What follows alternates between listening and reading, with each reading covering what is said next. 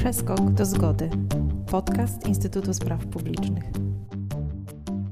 Dzień dobry, witam serdecznie w kolejnej części e, podcastu e, poświęconego polskiej historii optymizmu, e, czyli wydarzeniom roku 1989 i temu, co się z nimi potem działo.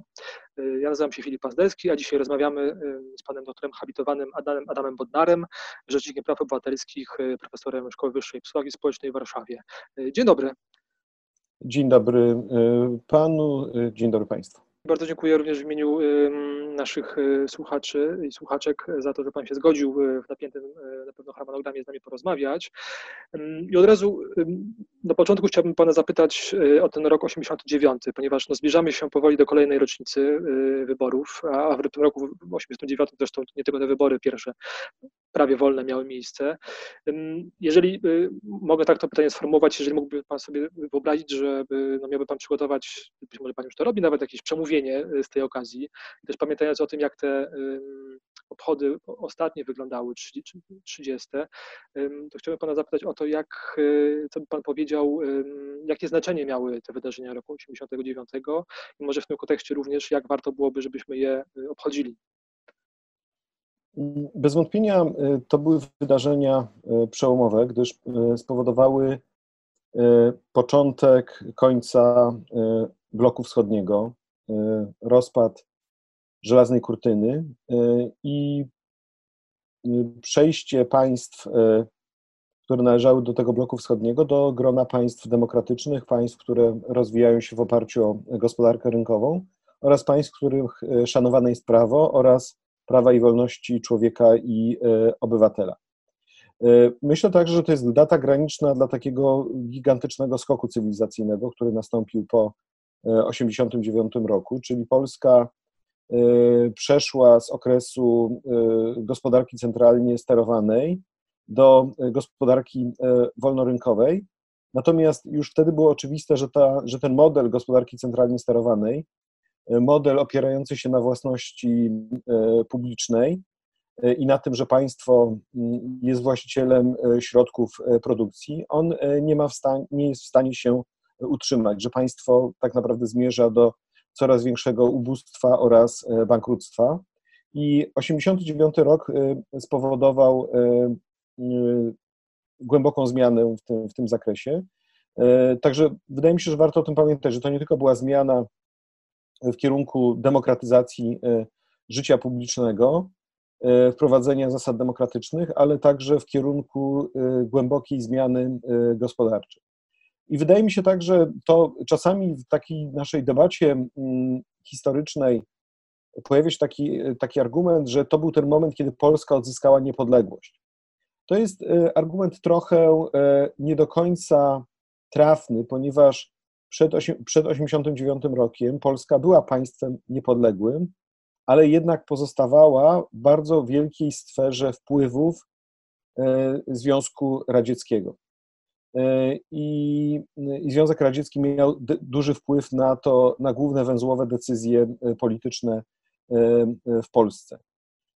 I z tej perspektywy można powiedzieć, że z pewnością 89 rok to był początek odzyskiwania może nie tyle niepodległości, co pełnej suwerenności, co następnie dało szansę na to, aby Polska zaczęła sama o sobie decydować na arenie międzynarodowej i także mogła podjąć decyzję o tym, aby przystąpić do różnych organizacji międzynarodowych, a na samym końcu uwieńczyć cały proces e, przystąpieniem do Unii e, Europejskiej. I to, co było takie bardzo symboliczne, a to, co nie było do końca jeszcze wyobrażane w 1989 roku, to opuszczenie Polski przez wojska radzieckie. Pamiętajmy, że o tym e, nie mówiono w zasadzie w 1989 roku, dopiero później to się pojawiło w debacie i, e, i, i wtedy, kiedy Polska faktycznie zaczęła stawać na nogi, a blok e, radziecki i sam Związek Radziecki zaczął się kruszyć, wtedy ta decyzja polityczna została e, podjęta i została wyegzekwowana, co myślę, że miało fundamentalne znaczenie z punktu widzenia właśnie odzyskiwania suwerenności. To dopytam jeszcze, no bo teraz Pan przedstawił również tą, tą, tą sytuację taką geopolityczną, która również, o której też no, często zapominamy, że ona miała również wpływ na, na to, jak te wydarzenia e, przebiegały. Mm, natomiast chciałem jeszcze Pana dopytać o to, jak Pan, e, jaka jest też Pana ocena tego, co wtedy miało miejsce tak z, na poziomie społecznym, bo, bo też to trwają naszym społeczeństwie cały czas dyskusje na temat tego, kto to wszystko spowodował, prawda, czy to no, zostało jakoś jakoś, nie wiem, czy może właśnie nawet z zewnątrz nam narzucone, czy, czy to się może samo wydarzyło, czy, czy, czy to jednak może właśnie jakoś, jakoś my sami tutaj obywatelki i obywatele e, też mhm. coś mieliśmy do powiedzenia. Nie wiem, jaka w tym kontekście jest Pana ocena tych wydarzeń. Ja myślę, że na pewno to był splot różnych e, wydarzeń, ale pamiętajmy, że te dążenia do tego, aby odzyskać e, pełną suwerenność i przejść na system demokratyczny, to nie były dążenia, które się pojawiły nagle. E, to nie było tak, że w polskim społeczeństwie nie istniały ku temu podstawy intelektualne, e, nie istniała tradycja, nie istniała myśl polityczna, która by to uzasadniała.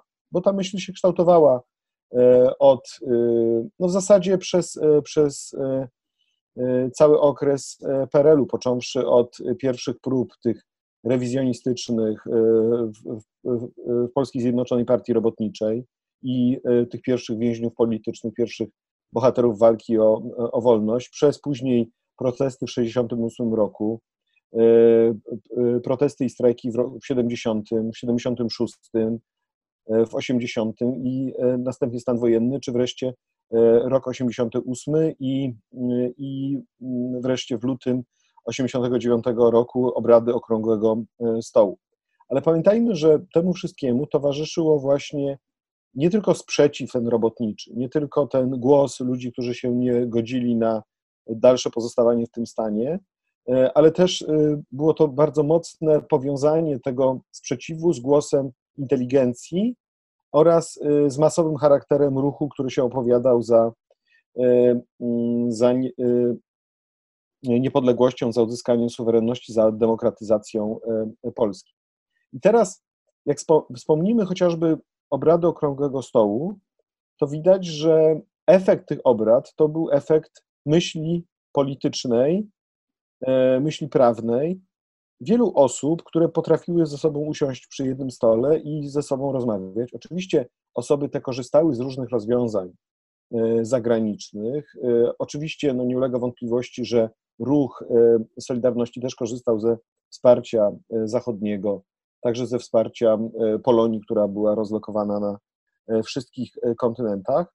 Natomiast myślę, że państwa zachodnie, blok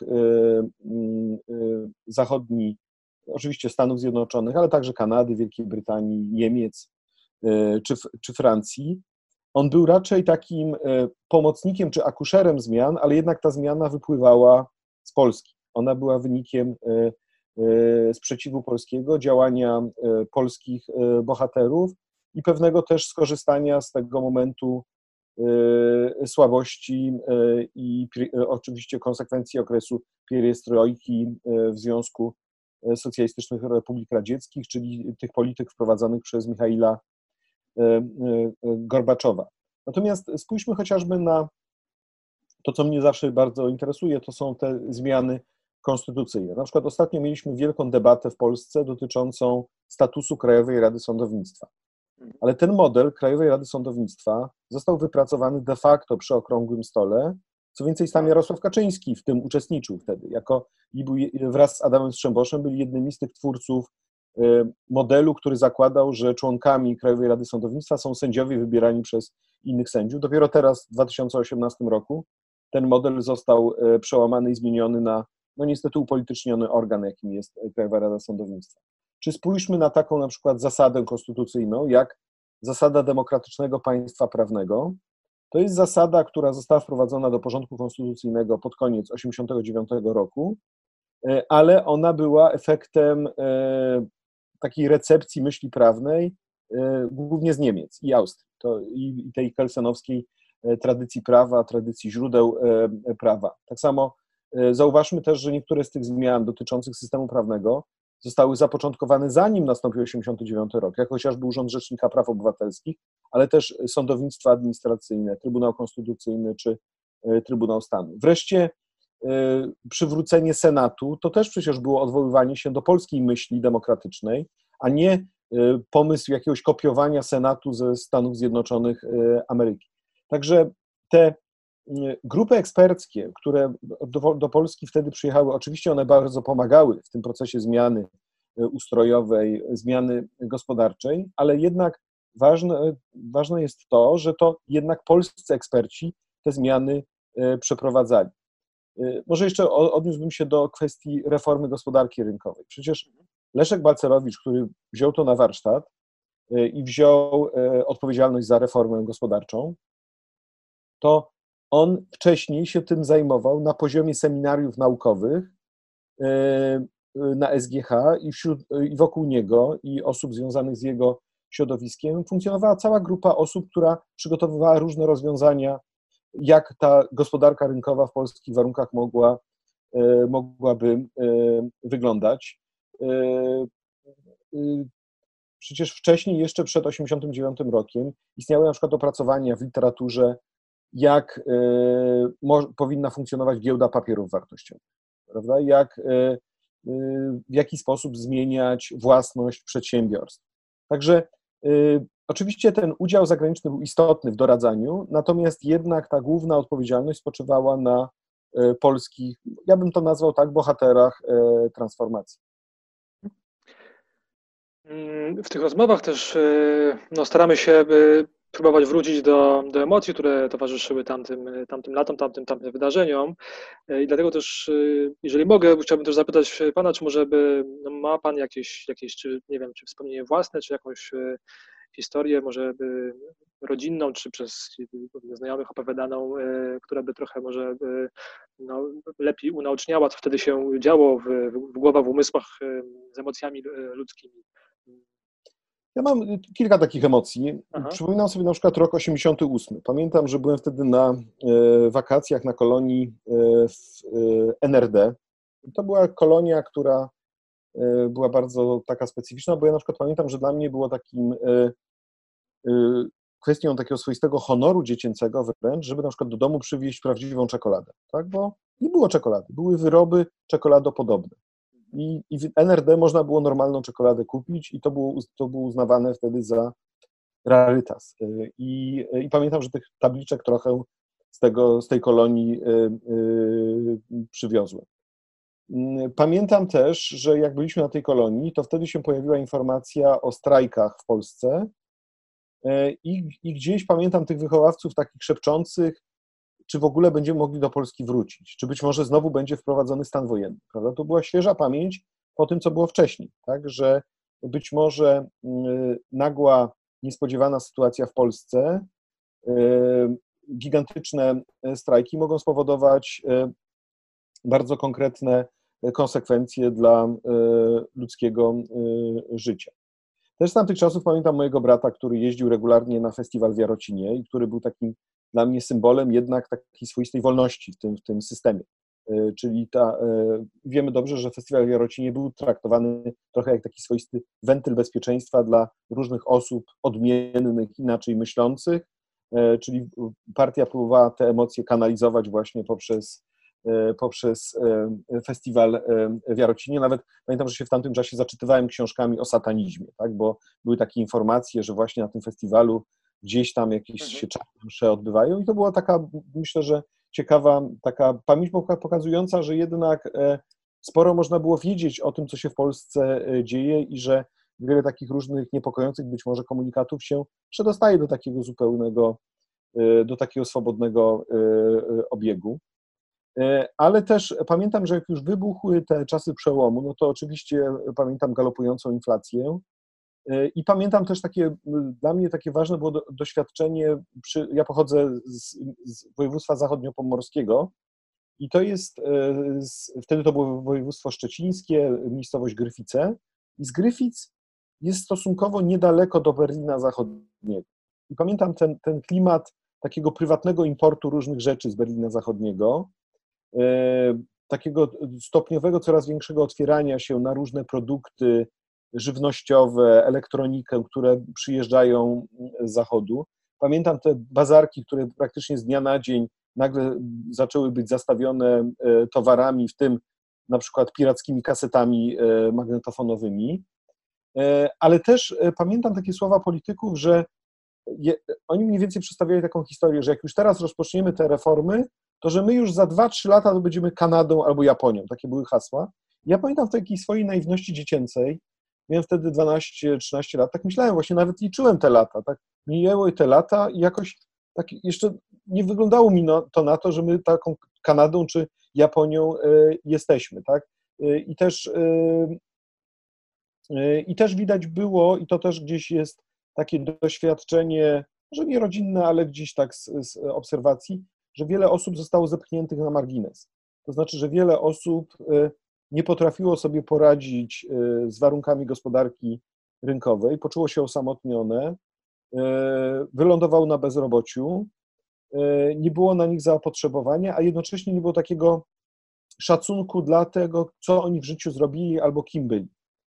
I takie, myślę, że takie bardzo maksymalne nastawienie na to, że teraz sukces polega na tym, że szanujemy tylko tych, którzy się bogacą, którzy wiedzą, jak sobie w tym świecie poradzić, którzy właśnie wiedzą, jak operować wędką, którą prawda, Wałęsa tutaj obywatelom dał, a, jednoczesnym, a jedno, przy jednoczesnym takim zepchnięciu, naprawdę takim bardzo mocnym na margines e, wielu grup e, e, społecznych, to myślę, że to było mocne takie doświadczenie, które gdzieś tak przewijało się w takim życiu rodzinnym, tak? Bo, bo jednak to poczucie bezpieczeństwa wiele osób zostało jego pozbawionych. Także tak to mniej więcej pamiętam i pamiętam, jak ta Polska się praktycznie z dnia na dzień zmieniała, jak jak upadały liczne przedsiębiorstwa państwowe, jak ta prywatyzacja czasami wychodziła, czasami nie. No a później już, kiedy zaczęły się te okresy już wychodzenia z kryzysu, no to oczywiście te, te okresy już były znacznie bardziej takie dynamiczne, kolorowe i, i dające też myślę, że dużo takiej e, e, satysfakcji, że, jak, e, że można było na własne oczy obserwować, jak Polska się zmienia. Dziękuję bardzo e, również za, za, za tą e, wielość perspektyw, które, które Pan przedstawił. E, wydaje mi się, że one wszystkie też pokazują pewnie ten, ten po, po, poziom skomplikowania, jaki mamy, jeżeli chodzi o ocenę tych wydarzeń również w społeczeństwie. Chciałbym teraz szybko y, przejść y, jeszcze do roku 2004. Y, Ale jeżeli mogę, tak? bo, bo tutaj. Dobra, e, oczywiście. Ja akurat wydałem niedawno wraz z redaktorem Bartosikiem książkę, prawda? E. Obywatel.pl. Mhm. Co ciekawe, my w tej książce na ładnych kilku stronach omawiamy transformację. Mhm. I, e, I omawiamy, myślę, że w taki sposób nietypowy. To znaczy, trochę się odcinam, ja przynajmniej się odcinam od takiej narracji, która zaczyna w Polsce niestety momentami dominować, a mianowicie narracji, która jest krytyczna w stosunku do transformacji. E, narracji, która mówi, ile to tych grup społecznych zostało pozostawionych, jaka to wielka tragedia nas spotkała e, i, i tak dalej. Ja to oczywiście widzę, ja to dostrzegam, bo ja to też przeżywałem i obserwowałem, tym bardziej, że ten mój region e, to jest region PGR-ów, gdzie wiele osób zostało faktycznie zostawionych na marginesach i gdzieś państwo się nimi nie zaopiekowało. Natomiast ja jednocześnie co do zasady e, e, uważam, że to była e, gigantycznie pozytywna akcja przeprowadzenia transformacji ustrojowej oraz politycznej w Polsce. I uważam, że Leszek Balcerowicz zasługuje na E, największe docenienie za jego odwagę, determinację i we wprowadzeniu tych zmian, nawet uwzględniając te błędy, które popełnił.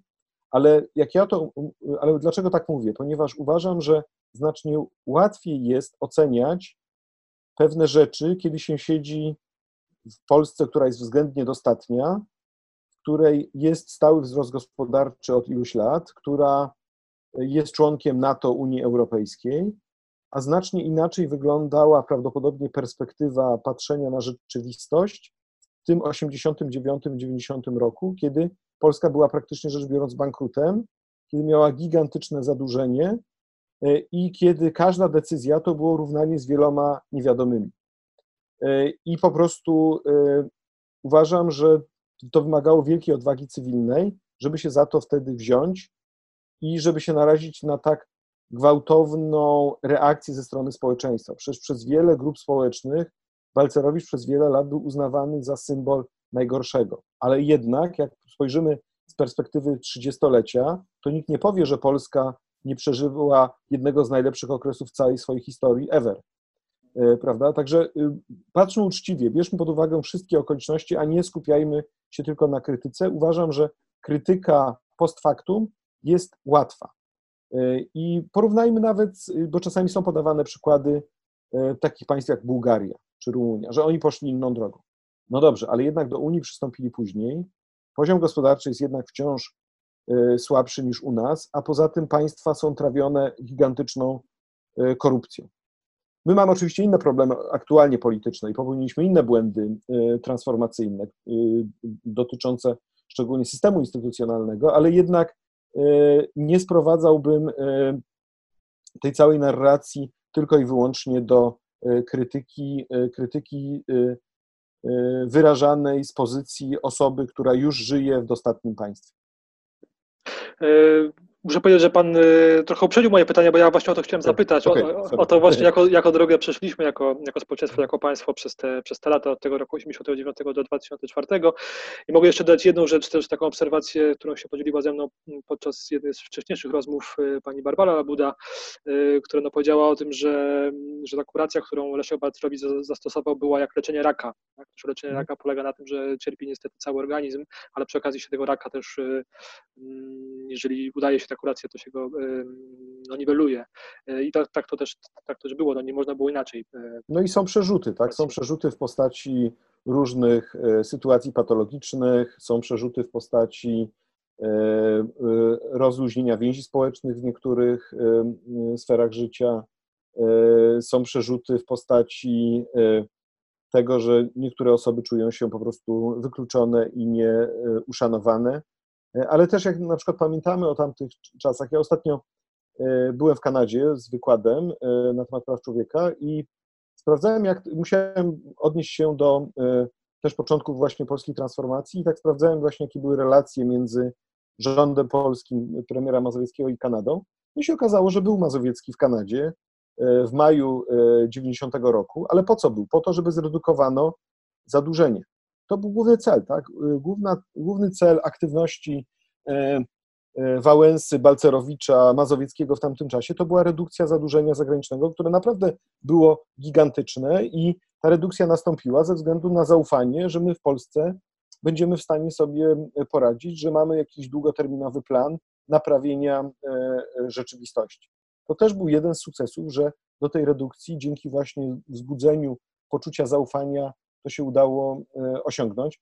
E, jak sobie to porównuję, te relacje międzynarodowe wtedy do tych, które są obecnie kształtowane, które się opierają na jakichś w ogóle dla mnie e, trudnych do zrozumienia kryteriach, no to, to widzimy też, jaka była dojrzałość klasy politycznej wtedy, która z dnia na dzień potrafiła wejść, nie mając czasami wiedzy o tym, jak państwem zarządzać, wejść w te nowe buty i, i pokazać pewną dojrzałość, odpowiedzialność i, i długoterminowe e, mm, konsekwencje swoich działań. Przecież tacy ministrowie jak Krzysztof Skubiszewski to do dzisiaj są uznawani za takich e, prawda, najlepszych z perspektywy e, trzydziestolecia. No nie wiem, może jeszcze Geremek, tak, by można było do tego panteonu dobrych ministrów spraw zagranicznych zaliczyć.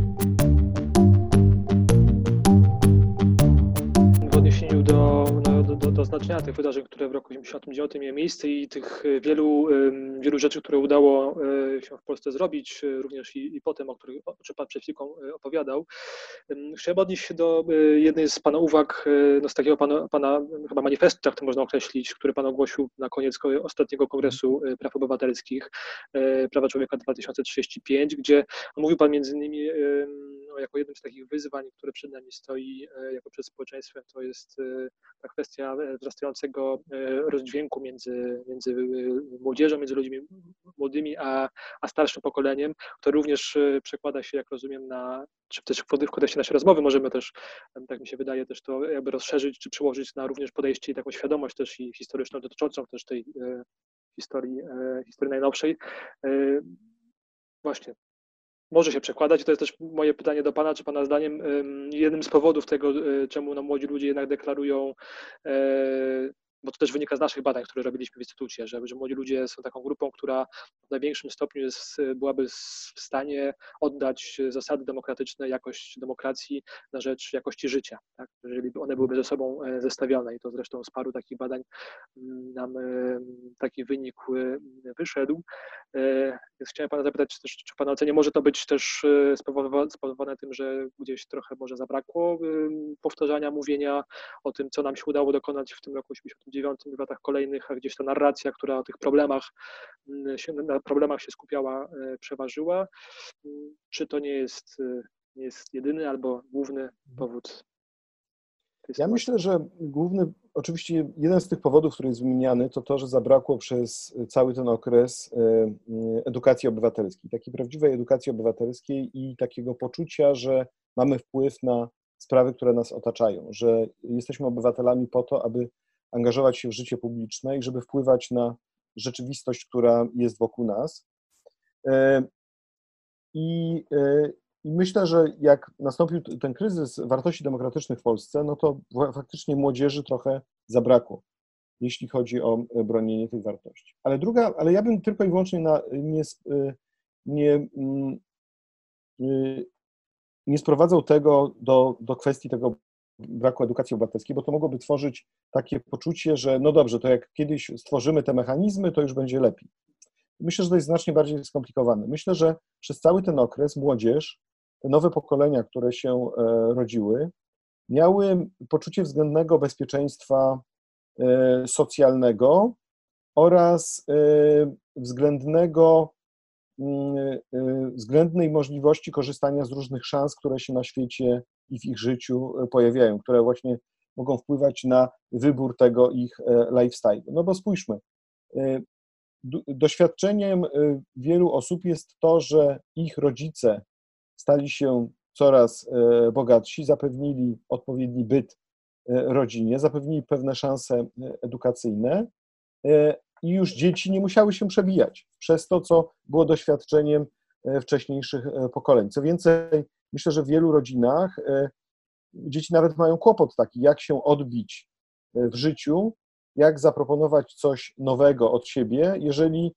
rodzice już wszystko osiągnęli, prawda? Jeżeli, jak się od nich e, odróżnić, tak? Nie ma tego naturalnego takiego skoku, że każde kolejne pokolenie sięga dalej, no bo to poprzednie pokolenie już bardzo wiele osiągnęło i zajmuje czy to eksponowane stanowiska, czy po prostu jest przedsiębiorcze, czy, czy bogate a jednocześnie nie było takich momentów e, e, w ciągu e, ostatnich lat, kiedy młodzież mogłaby mieć poczucie, że, poczucie, że im się coś odbiera, że, są, że jest w czymkolwiek ograniczone. W zasadzie być może ten rok 2020 jest pierwszym takim rokiem, kiedy mamy zbiorowe doświadczenie polegające na pandemii, na ograniczeniach wolności osobistej i, i nad tym, że władza może z dnia na dzień bardzo mocno w nasze życie e, ingerować i że po coś nam są potrzebne te mechanizmy, instrumenty, żeby władzę kontrolować. Ale czy to się faktycznie prze, przerodzi w dłuższej perspektywie na jakąś głębszą zmianę społeczną, to tego jeszcze, e, jeszcze nie wiem. Zobaczymy, jak będzie też wyglądała kwestia funkcjonowania granic, e, bo no, jesteśmy teraz jednak mocno ograniczeni, jeżeli chodzi o mobilność, jeżeli chodzi o wybór innych ścieżek życiowych, ale czy znowu, czy to będzie zbiorowym doświadczeniem, które przełoży się na większą e, świadomość procedur demokratycznych, tego jeszcze, e, tego jeszcze nie wiem. I jeszcze tutaj bym dodał, fakt przystąpienia do Unii Europejskiej spowodował, że myślę takie przeświadczenie, że jeżeli nam się coś nie podoba w kraju, to zawsze możemy zmienić miejsce życia i wyjechać i gdzieś zacząć żyć w innym miejscu. Co więcej, Myślę, że władza, i, to jest myślę, że jeden z poważnych grzechów, to będę nazywał w grzechów transformacji, że jak przystąpiliśmy do Unii Europejskiej i nastąpiły otwarte granice, to władze polskie w zasadzie prawie tak bezrefleksyjnie pozwoliły ludziom na wyjazd. Ja nie mówię, że miały ich blokować, tak, ale nie starały się stworzyć równych szans yy, czy, czy zachęt do tego, żeby jednak pozostać. Yy, co więcej, yy, wręcz promowały to, te, promowały emigrację. Wręcz cieszyły się, że z tego powodu zmniejsza nam się, zmniejszają nam się problemy społeczne, niektóre w kraju, że następuje bilans dodatni przepływów gotówkowych, ze względu na to, że te rodziny wysyłały pieniądze do, do Polski. Czyli emigracja stała się sposobem na takim pośrednim na rozwiązywanie niektórych problemów społecznych, takich jak bezrobocie w Polsce, a jednocześnie nie zauważyliśmy, jak następuje rozluźnienie, e, przepraszam, jak następuje rozluźnienie więzi rodzinnych, e, więzi społecznych oraz e, jak mm, następuje też drenaż mózgów. Jak wiele osób z takiej, które mogłyby stanowić obecnie klasę średnią, czy nawet może klasę wyższą średnią, w zasadzie wyemigrowało i pracuje poniżej swoich kwalifikacji, poniżej swojego, swojego wykształcenia, bo ich ojczyzna nie była w stanie im zaproponować niczego e, ciekawszego. I, I, to mi się wydaje, że to są rzeczy, które powinny być też przeanalizowane. I, I co więcej, mam wrażenie, że każdy kolejny rząd nie ma specjalnie pomysłu, jak to blokować. Być może pandemia to teraz zablokuje, ale być może pandemia e, spowoduje wytworzenie takiego przeświadczenia, że zamieszkiwanie poza granicami kraju nie jest wcale takie oczywiste i wcale nie jest takie bezpieczne dla naszego e, życia. I może to też spowoduje e, zmianę form wyboru i nastawienia młodzieży do jakości demokracji w naszym kraju. Mhm. Y, no tak, ja tak mogę tylko jeszcze dopowiedzieć, że była też taka y, jedna pani posłanka, która wręcz mówiła lekarzom, rezydentom, to niech wyjadą, tak? Y, tak, no, trochę, trochę tak to było absolutnym skandalem i dobrze, że to było napiętnowane. Natomiast wciąż władza nie stworzyła wystarczających zachęt, żeby tych lekarzy powstrzymywać przed, przed wyjazdem. One, te zachęty się powoli pojawiają. Oczywiście i zawód lekarza E, staje się coraz bardziej taki opłacalny w kraju, e, natomiast wciąż nam jednak lekarzy brakuje i pielęgniarek nam e, brakuje i, i, nie, i, i znowu być może pandemia wytworzy takie przeświadczenie, że jednak jakość usług publicznych jest wartością samą w sobie, co powoduje, że musimy naprawdę inwestować w nasze kadry, które w Polsce pracują, dbać o nie, chuchać na nie i, i szanować całą sferę publiczną, a nie uznawać, że ta najważniejsza sfera to jest tylko i wyłącznie sfera prywatna, ponieważ ona przynosi e, podatki. Nie, to, to, e, to chuchanie na sferę publiczną e, też powinno mieć miejsce. Miejmy nadzieję, że ta nauka z okresu pandemii w, w nas pozostanie. Mm, Chciałbym jeszcze y, zapytać Pana y, o, o Pana ocenę y, z kolei roku 2004. Ja wiem, że to jest temat rzeka i nie chcę jakby aż tak głęboko w nią wchodzić, ale tak jakby mógł Pan rzeczywiście w paru zdaniach spróbować powiedzieć, co Pana zdaniem dzięki temu jako kraj osiągnęliśmy, tak? Też pamiętając o tym, o czym wcześniej rozmawialiśmy, jak e, też ciężkie lata, trudne dla, dla wielu Polek i Polaków też e, no, wcześniej musieliśmy przejść, żeby znaleźć się w tym miejscu roku 2004, jak rozumiem. E, co znaczy w dużym skrócie no, to bycie, bycie w Europie dla, dla Polski w Pana przeświadczeniu?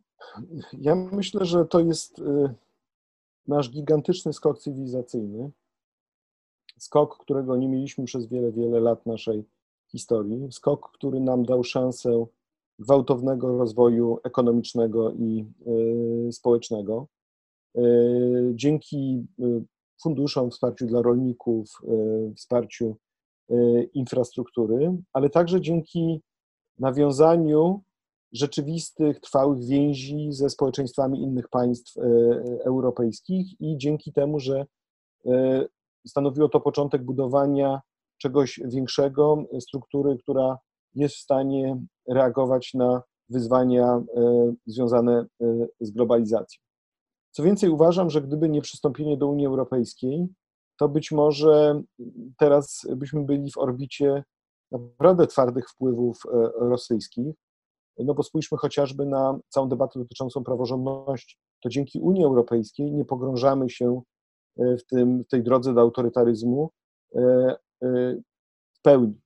Widzimy, że ta droga się oczywiście, że, że na tej drodze wciąż niestety jesteśmy, e, ale jednak Unia ma jakieś działanie mrożące i powstrzymujące przed dalszymi zagrożeniami i strach nawet pomyśleć, co by się stało, gdybyśmy jednak tej Unii nie byli. Wydaje mi się też, Unia ma też znaczenie takie symboliczne, to, że jesteśmy traktowani na równych zasadach jak inni obywatele państw członkowskich. My się już do tego przyzwyczailiśmy, tak? ale to naprawdę nie jest coś, mm, coś oczywistego. Tak? Ja, to są różne takie wymiary symboliczne, jak na przykład podróż wewnątrz Unii, która się odbywa bez, bez granic. To jest myślę, że takie doświadczenie, które ja jeszcze trochę pamiętam, ale dla młodszego pokolenia jest zupełnie nieznane, tak, że w ogóle granice jako takie między państwami e, istnieją. E, ja sobie przypominam na przykład jedną taką, taką takie regularne sceny, które miałem e, w roku 1999-2000, kiedy to studiowałem na Uniwersytecie Środkowoeuropejskim w Budapeszcie. Jeździłem pociągiem do Budapesztu, wtedy jeszcze samoloty nie były tak dostępne jak przed pandemią, bo nie wiemy, jak będzie po pandemii. E, I pamiętam, że jadąc pociągiem, przekraczałem granicę, za każdym razem kontrola graniczna, e, Straż Graniczna, celnicy, wielokrotne budzenie e, w nocy. I jednak poczucie, że oczywiście się przejedzie, ale że te granice fizycznie istnieją. I że one mm, nie, nie dają nam takiej szansy, że to od nas zależy, gdzie będziemy w danym momencie mieszkali, gdzie e, e, się zdecydujemy na to, żeby to było stałe miejsce naszego, e, naszego życia. I, i, to, I to zniesienie granic, to fizyczne, ale także mentalne w naszych głowach, że nie jesteśmy gorsi od innych obywateli państw członkowskich Unii Europejskiej, to jest niezwykle potężne osiągnięcie i oby było z nami jak najdłużej. Natomiast ja uważam, że w Polsce my za mało o tym dyskutujemy, za mało zastanawiamy się nad tym, nad tym co dla nas stanowi Unia Europejska. Za bardzo zaczęliśmy ją traktować w kategoriach portmonetki, a nie wartości, które są związane z integracją europejską.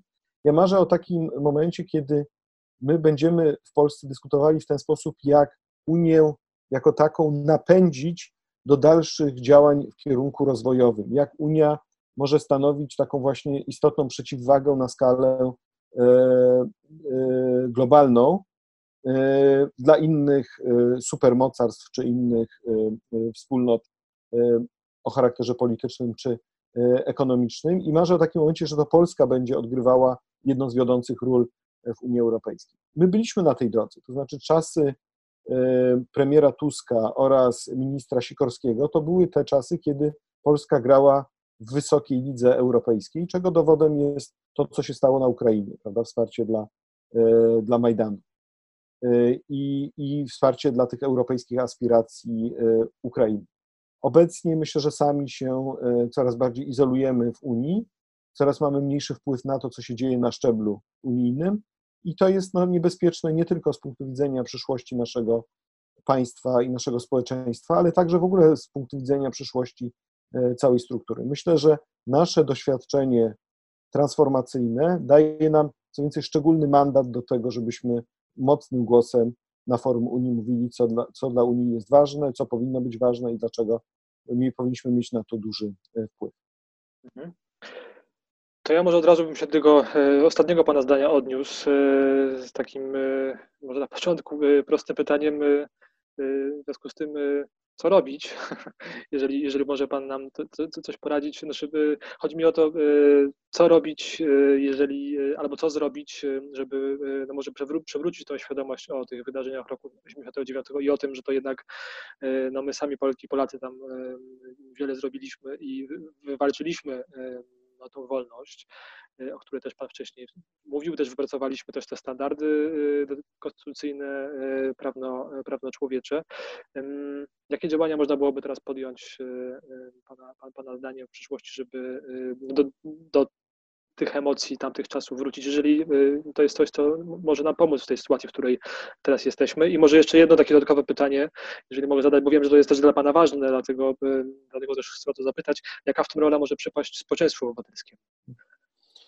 Ja myślę, że my za bardzo się przyzwyczailiśmy do tego, że ludzie to wszystko wiedzą i rozumieją, że skoro już do tej Unii przystąpiliśmy, czy że skoro odbyła się prawda, ta transformacja ustrojowa, to że ludzie się tego po prostu nauczyli i praktycznie rzecz biorąc zaniedbaliśmy taki zwyczajny, codzienny obowiązek edukacyjny. Tak? Poprzez obowiązek edukacyjny ja uznaję coś takiego, że my wracamy do społeczeństwa, szczególnie lokalnego, z pozytywną informacją na temat tego, po co są określone regulacje, po co są określone mechanizmy działania, czemu one służą i dlaczego one są ważne dla przeciętnego człowieka. Czyli przykładowo, jak mamy pana Kowalskiego, który jest zagrożony fermą kurzą, to y, pan Kowalski wie, że on, jego prawa być może zostały pogwałcone, bo nie został wysłuchany w konsultacjach społecznych, ale brakuje tego kogoś, kto by mu wytłumaczył, słuchaj, ale to, że w ogóle te konsultacje społeczne są, to jest konsekwencją tego, że jesteśmy państwem członkowskim Unii Europejskiej i że Unia wymaga tego jako określonego standardu, bo Unii chodzi o to, żeby właśnie szanować prawa tego, e, tego Kowalskiego. Czy też, jeżeli mówimy o tej niezależności sądów, to mówimy o określonych wartościach, e, ale nie zawsze tłumaczymy to jako e, część właśnie tego pakietu demokratycznego, który jest oczywisty w państwach demokratycznych. Nie staramy się iść takim prostym, zwyczajnym przekazem do zwyczajnego obywatela i cały czas gonimy i staramy się naszą rzeczywistość dogonić, odpowiadając na bieżące wyzwania, a nie cofamy się do tego, co E, powinno stać się powszechnym e, doświadczeniem. Nie jesteśmy w stanie promować jakichś ciekawych, pozytywnych e, przykładów. Przypomnijmy jedną taką, taką rzecz, która na przykład moim zdaniem zaniedbano. Tak? Jak Polska przystępowała do Unii Europejskiej i zaraz po przystąpieniu, w co drugiej szkole były kluby europejskie. Tak? Czyli promowaliśmy flagę, integrację, tłumaczyliśmy, po co jest ta, ten ombudsman europejski, komisja, parlament i tak dalej. Gdzie są teraz te kluby europejskie? Czy to jest jakiś wstyd, że, żeby o tym nie rozmawiać, żeby się tym nie interesować? E, czy to jest, e, e, czy, czy to jest jakaś wiedza zakazana, wiedza od razu już upolityczniona, żeby mówić o tym, co jest częścią naszej rzeczywistości? A jeżeli nawet tak się dzieje, to weźmy chociażby te rzeczy, które uczniów interesują. Czy społeczeństwo interesuje? Wytłumaczmy im, dlaczego mamy to RODO i że to nie jest tylko i wyłącznie przekleństwo, tylko że jest to związane z tym, że chcemy szanować nasze, nasze prawo do prywatności w obliczu zagrożeń dla wielkich koncernów. Słowem, moim zdaniem nam brakuje takiej narracji, która byłaby dostosowana do wiedzy i, mm, y, i takiego zrozumienia rzeczywistości przez przeciętnego obywatela i takiego naprawdę masowego zaangażowania na rzecz prze, przekazywania tej, tej wiedzy i my, że za bardzo uznajemy, że ludzie to po prostu wszystko wiedzą i to wszystko y, czują. A jednak chociażby wybory do Parlamentu Europejskiego pokazały, że ta frekwencja była o wiele wyższa, tak? czyli że ludzie potrzebowali, y, są tym zainteresowani, skoro chcieli głos, y, głos oddawać. I tu mi się wydaje, że społeczeństwo obywatelskie ma wielką rolę do odegrania, ale znowu podkreślam, nie na zasadzie zbawiania ciągłego rzeczywistości, szukania nowych pomysłów, nowych wyzwań, tylko czasami wykonania takiej zwyczajnej, organicznej, czasami wręcz nudnej pracy, ale z dotarciem do małego e, miasteczka. Ja w tym kontekście przypominam sobie swoje wyjazdy regionalne.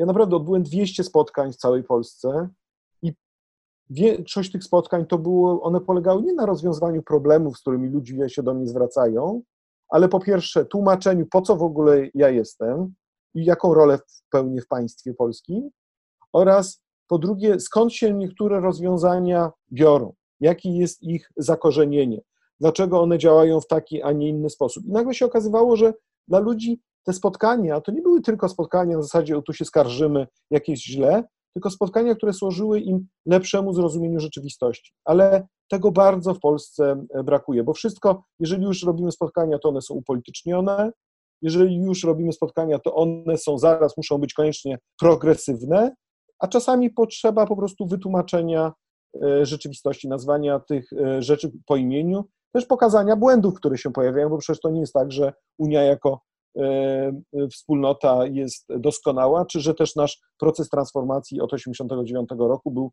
mistrzostwem świata. No były też błędy, które też trzeba oczywiście e, rozliczać, ale nie można jednocześnie nie doceniać tego wszystkiego, co zostało zrobione jako e, dobre.